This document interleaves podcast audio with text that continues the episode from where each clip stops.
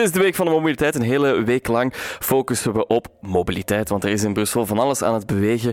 Letterlijk en figuurlijk. Uh, zondag is er uiteraard de autoloze zondag. Maar er is meer en er gebeurt meer tijdens zo'n mobiliteitsweek. Hè. Dag Brussels minister van Mobiliteit, Elke van den Brand. Misschien een beetje een logische opener. Uh, op welke manier bent u naar de studio gekomen? Ik ben met de fiets gekomen. Dat is kei goed. Het was, het was niet aan het regenen, ik had geluk. Ja, anders is dat een beetje een, een gedoe soms, maar... Maar eigenlijk regent het minder vaak dan dat we denken. Dus ik, ik merk toch dat ik altijd denk, oh nee, het gaat regenen morgen. En uiteindelijk kan je tussen de buien door nog fietsen. En deze ochtend is het zelfs mooi weer. Ja, en het leuke aan de fiets is dat je inderdaad flexibel kan opstellen. Hè? Van, ah ja, maar over twee minuten is het gedaan met regen, ik zal dan vertrekken.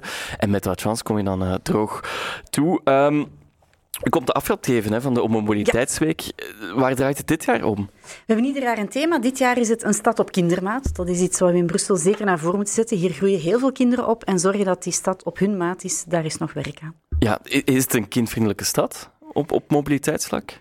Op dit moment te weinig. Een kindvriendelijke stad wil zeggen dat kinderen buiten ruimte hebben, ook buiten kunnen spelen. Uh, veel kinderen hebben geen tuin of geen terras, dus dat zijn die openbare ruimte terecht kunnen om om kind te zijn. En dat is ongelooflijk belangrijk. En, en kind zijn, dat betekent ja, dat je achter een vlindertje aanloopt, maar dat mag niet betekenen dat je dan meteen onder een auto aanhoopt. Ja. Dus zorg je dat die stad veilig is, dat er ruimte is om te spelen, gezonde lucht. Dat zijn zaken waar we in Brussel uh, verder op moeten inzetten. Het is wel iets dat je soms ziet in de Brusselse wijken. Kinderen die op straat spelen met een bal, dan komt er een auto, dan moeten ze even opzij gaan. Dat zou niet de bedoeling mogen zijn. De bedoeling moet zijn dat zij met die bal natuurlijk, dat er een speelpleintje in de buurt is. En, en daar ligt een heel grote uitdaging in mobiliteit. Het gaat eigenlijk niet zozeer om hoe verplaatsen we mensen van A naar B? Dat is zeker een deel van mobiliteit. Maar hoe kunnen we zorgen dat onze openbare ruimte anders wordt ingericht? En door andere keuzes te maken in mobiliteit, door meer in te zetten op wandelen, op fietsen, op openbaar vervoer, kunnen we een stuk die autodruk verminderen en kunnen we plaats winnen. En dat is heel concreet, gaat over 70% van onze publieke ruimte, die is nu voorbehouden voor auto's. Ofwel in baanvakken, ofwel in parkeerstroken. Dus als we daar een shift in kunnen brengen, dan kunnen we meer speelpleintjes maken, zodat die kinderen kunnen voetballen op een pleintje in de wijk. Dan kunnen we zorgen dat er veilige fietspaden zijn, dat er groen in de straten komt en dat op die manier echt een, een aangenamere, leefbaardere stad maken. En dat is met knips dan? Verkeersknips onder andere? Wel, dat is een van de maatregelen. Dat is zorgen dat je gaat... Uh, het auto, er zal altijd autoverkeer zijn. In een stad als Brussel, sommige mensen hebben geen alternatief. Dus je moet natuurlijk daar een idee van hebben. Hoe gaan we dat autoverkeer kanaliseren? En wat gebeurt momenteel? Iedereen gaat in alle kleine straatjes. Heel veel sluipverkeer. Meer dan een derde van het verkeer in onze straten moet helemaal niet hier zijn, die passeren hier gewoon, die gaan ergens anders heen. Dus als we die, die filters die we nu installeren, die oude wijken, die hebben net als bedoeling om te zorgen dat het verkeer gaan kanaliseren over de hoofdassen, zodat je in de straten zelf enkel nog ja, verkeer hebt van mensen die daar wonen of die daar moeten zijn. Ja, wat we nu wel zien, hè, met, het, eh, met de good move plannen die, die overal aan het uitrollen zijn. In Anderlecht bijvoorbeeld zijn ze kwaad, hè, in, in Curigem, nogthans een wijk waar zoiets heel erg nodig is die mensen net die het nodig hebben, want daar is bijna geen plek, die zijn nu kwaad. Er zijn mensen in Anderlicht inderdaad die niet akkoord zijn met de maatregelen. Dus daar is nu een, een, een debat gaande. Um, er zijn ook, ja, wat zelf zegt, in Anderlicht, denk dat is een van de, Curium is een van de wijken waar de densiteit heel hoog is, waar die nood aan publieke ruimte zeer groot is. Dus er zal nog veel uh, tijd en overleg nodig zijn de komende weken en maanden om te kunnen zorgen dat er samen met die burgers wordt nagedacht over die publieke ruimte, dat die alternatieve invullingen wordt uh, bekleed. Maar ik vind het ook belangrijk dat circulatieplannen in wijken als Curigem zijn, omdat daar net de nood het hoogst is om die, die, die ruimte een stuk terug aan de bewoners te geven. Ja, een ander circulatieplan dan uh, dat van Brussel-Stad. Daar is al heel veel inkt over gevloeid. Uh, heel veel controverse. Mensen die misschien ook van zijn. Maar hoe gaat het nu? Kunnen we het nu al evalueren of is het te vroeg? Het is eigenlijk te vroeg. Je kan ja. niet... Het, heel veel mensen moeten hun, weg opnieuw zoeken. Dus het vraagt aanpassingstijd. Mensen ontdekken terug een stuk hoe ze moeten rijden. En, want het klinkt soms eenvoudig, we veranderen enkel straten van richting, maar je verandert de dagelijkse gewoontes van mensen. Dus dat heeft tijd nodig. We hebben dat ook in andere steden gezien. Brussel is niet de eerste stad die hiermee aan de slag gaat. En dan zie je ook van, je moet eigenlijk een half jaar tot een jaar wachten om dat echt goed te kunnen evalueren. Maar natuurlijk moet je wel monitoren. En dus in Brussel-Stad uh, zien we dat er op sommige plaatsen dat er punctuele problemen zijn. Zijn er al lichte aanpassingen gebeurd? Mm -hmm. Dat moet je natuurlijk doen als je weet van hier is echt een kruispunt problematisch. Dan kan je de lichten bijstellen of je kan kleine aanpassingen doen. Maar de grote evaluatie, ja, die, daar moeten we nog even op wachten. Tot nu toe zie je wel dat op een aantal plaatsen er opmerkelijk minder verkeer is, dat rustiger is en dat er een paar punten zijn waar het op dit moment uh, een, een grotere verkeersdruk geeft dan voordien, wat niet de bedoeling is. Ja, de Danshardstraat bijvoorbeeld. Hè. Danshardstraat, de Pacheco-wijk, daar zijn twee moeilijke punten. Ja, de mensen daar zijn, zijn wel redelijk kwaad. Uh, twee dossiers die de laatste tijd ook veel aandacht krijgen, uh, die rond de verbreding van de ring en de fameuze kilometerheffing. Vlaanderen wil, kort gezegd, de ring verbreden. Brussel wil inzetten op de, de kilometerheffing. Waarom is er de voorkeur voor die kilometerheffing?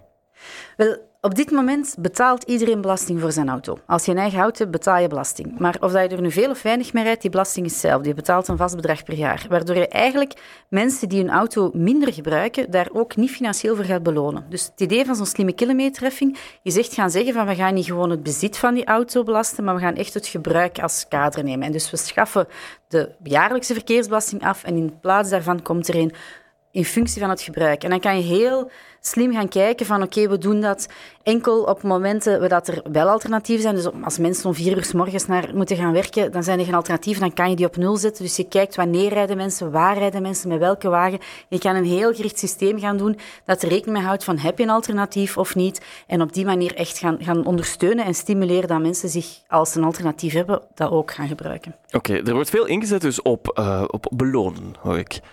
Of, op het, het, verminderen van het autogebruik door, door dat te belonen?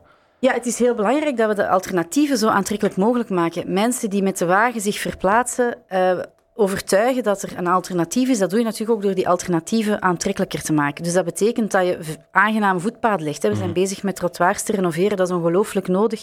Fietspaden leggen, we zien dat als we fietspaden leggen, komen daar fietsers. Dus dat is... Moet het openbaar vervoer ook niet nog een, een schakeltje hoger schakelen? Het, een soort ik ben trots op ons openbaar vervoer, dus dat de MVB, zeker in vergelijking met andere steden in ons land, goed performant openbaar vervoer biedt, maar we zijn dat inderdaad nog aan het versterken. Dus we hebben 30% extra uh, buscapaciteit ingelegd dus nieuwe lijnen, hogere frequenties, uh, nieuwe voertuigen die groter zijn. Hetzelfde met de trams. We zijn systematisch de trams aan het vervangen door van die moderne trams waar je gemakkelijk in kan, waar ook meer mensen in kunnen, frequentie aan het opvoeren.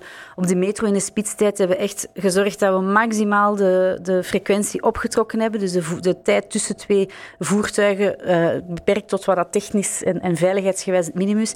En op die manier hebben we ook 20% extra uh, metrocapaciteit gemaakt. Dus we zijn inderdaad aan het optrekken Zowel qua, qua aanbod, we hebben ook de prijzen voor jongeren tot 25 jaar verlaagd. Dus zolang dat je jonger bent dan 25, kan je voor 12 euro per jaar met ons openbaar vervoer reizen.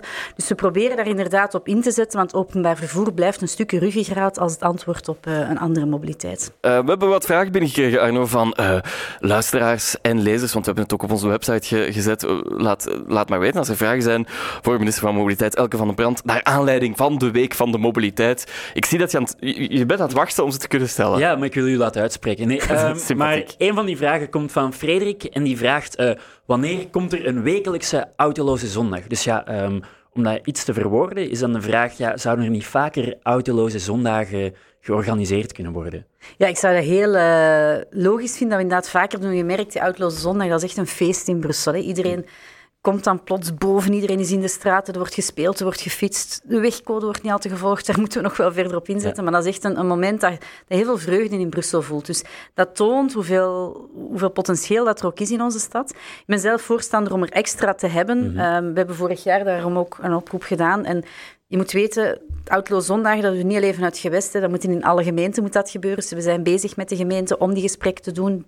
Dat is voorzichtig positief, om te kijken van kunnen we niet extra autoloze zondagen doen. Ik zou dat zelf heel goed vinden. Op dit moment zijn we de gesprekken aan het voeren um, en we zullen zien wat dat eruit komt natuurlijk. Ja. ja, en met die energieprijzen gaat het er misschien wel van komen dat we het gewoon wekelijks uh, gaan moeten doen. Een vraag van Willemijn ook, uh, Arno. Ja, en die vraagt uh, over de Arteveldestraat en de Lakense straat, want dat werd door Good Move gepromoot als een nieuwe Noord-Zuidas voor fietsers. Maar in de Lakense straat, zegt hij, is het moeilijk fietsen vanwege de grote file met auto's sinds uh, het circulatieplan is ingevoerd. En dan vraagt hij of daar iets aan gaat veranderen, ten, ten voordele van de fietsers natuurlijk. Ja, het is inderdaad, je mag als fietser niet te snel op de voetgangerszone. Dus mhm. iedereen gaat parallel op die lakense. En die is momenteel inderdaad, of die, die was zeker nog, uh, niet aangenaam op te fietsen. Dus het idee van, de, van het circulatieplan van de, van de Vijfhoek is inderdaad dat je op die manier daar een vlotter as krijgt. Het is voor mij nog iets te vroeg om al te zeggen van ja, het lukt niet. Dus het circulatieplan moet zich nog even zetten. Dus ik zou willen zeggen van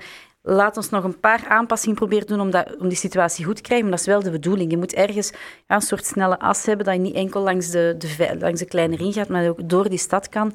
Dat is niet de voetgangerszone, uh, maar daar is inderdaad die Laagse straat een, uh, een, goed alternatief voor als we daar die autodruk omlaag krijgen. En dan tenslotte nog een vraag van een uh, zekere Yves. Ja, niemand minder dan Yves die vraagt, ja, Brussel die wil wel auto's uit de stad houden, maar behoudt dan dezelfde infrastructuur. dus behoudt met dezelfde wegen. En die vraagt zich dan af, ja, waarom worden er van sommige straten niet gewoon parken gemaakt om de auto dan minder plek te geven en op die manier automobilisten te weren? Vind een heel mooie vraag. Het idee van, ik kan inderdaad... We zeggen dat dat gaat niet, want daar wonen mensen enzovoort. Maar mhm alles kan als we daar onze creativiteit op lossen. Ik vind een heel mooie vraag. Wat we sowieso moeten doen, dat we deze zomer ook gevoeld, is onze stad vergroenen. We hebben een hittegolf gehad in ons land en is in de stad eens zo hard te voelen. In een stad waar allez, oudere mensen die er deze zomer waren, of, of jonge kinderen, dat, was, dat, dat, heeft een gigantische impact gehad op hun gezondheid, op hun welzijn. En dus zorgen dat je je stad zelf een stuk koeler maakt, dat doe je door te gaan ontharden, door stukjes beton um, om te vormen, om daar uh, vergroening op te zetten. Hier bijvoorbeeld op Flageplein is even een plaats waar we heel graag een stuk zouden vergroenen, maar in alle straten. En we gaan daar echt op moeten inzetten. Enerzijds door grote nieuwe parken te maken. Mijn collega Alain Maron is er, bezig, uh, is er mee bezig aan het Park van de Zenne. Um, ik weet ook dat mijn collega Pascal Smet is zo de stedenbouwkundige verordening aan te zien. Dat is heel technisch, maar dat zijn eigenlijk de regels waarop je een herinrichting op moet aanpassen om daar ook meer groen in te krijgen. Zelf hebben we inderdaad ook de opdracht gegeven aan onze wegbeheerder van kijk, zoek overal plaatsen waar je een stuk beton kan vervangen door een stukje groen. En op die manier kunnen we heel veel vierkante meters winnen. Dus daar zijn we nu systematisch mee bezig. En dat is iets waar Brussel ongelooflijk nood aan heeft. Het is soms uh, nog niet genoeg groen. Hè. Er, er uh, is de autoloze zondag, hè. zondag uiteraard. Brussels gewest wordt dan tussen half tien en zeven uur volledig autovrij. Er zijn ook heel wat dingen te doen. Het gaat wel niet zo'n topweer zijn. Normaal gezien is het altijd goed weer. Het is altijd goed maar weer nu niet. zondag. Maar we gaan afwachten. Nu beweren ze dat het niet goed weer is en we gaan afwachten tot zondag. Maar misschien valt het nog wel heel ja. Wat gaat u doen op de autoloze zondag? Ik ga uh, beginnen met een bezoekje aan het MVB-depot. De MVB heeft een aantal depots die ze openzet. En dat is ongelooflijk indrukwekkend om eens te kijken. Want die bussen die rijden niet alleen over de straat, die slapen s'nachts ook ergens enzovoort. Um, dus daar uh, ga ik eerst naartoe. Ik ga samen met de Kiddekul Mas uh, mee fietsen, uh, waarbij dat kinderen ook ruimte om veilig te fietsen mee opvragen. En uiteraard nog heel veel standjes en activiteiten bezoeken. Dus het wordt een groot feest. Voilà, groot feest. Autozondag. Brussels minister van Mobiliteit, Elke van den Brand, dankjewel om langs te komen. Dankjewel om de vragen van Yves, Willemijn en Frederik te beantwoorden. En Frederik, Willemijn en Yves, dankjewel om ze in te sturen.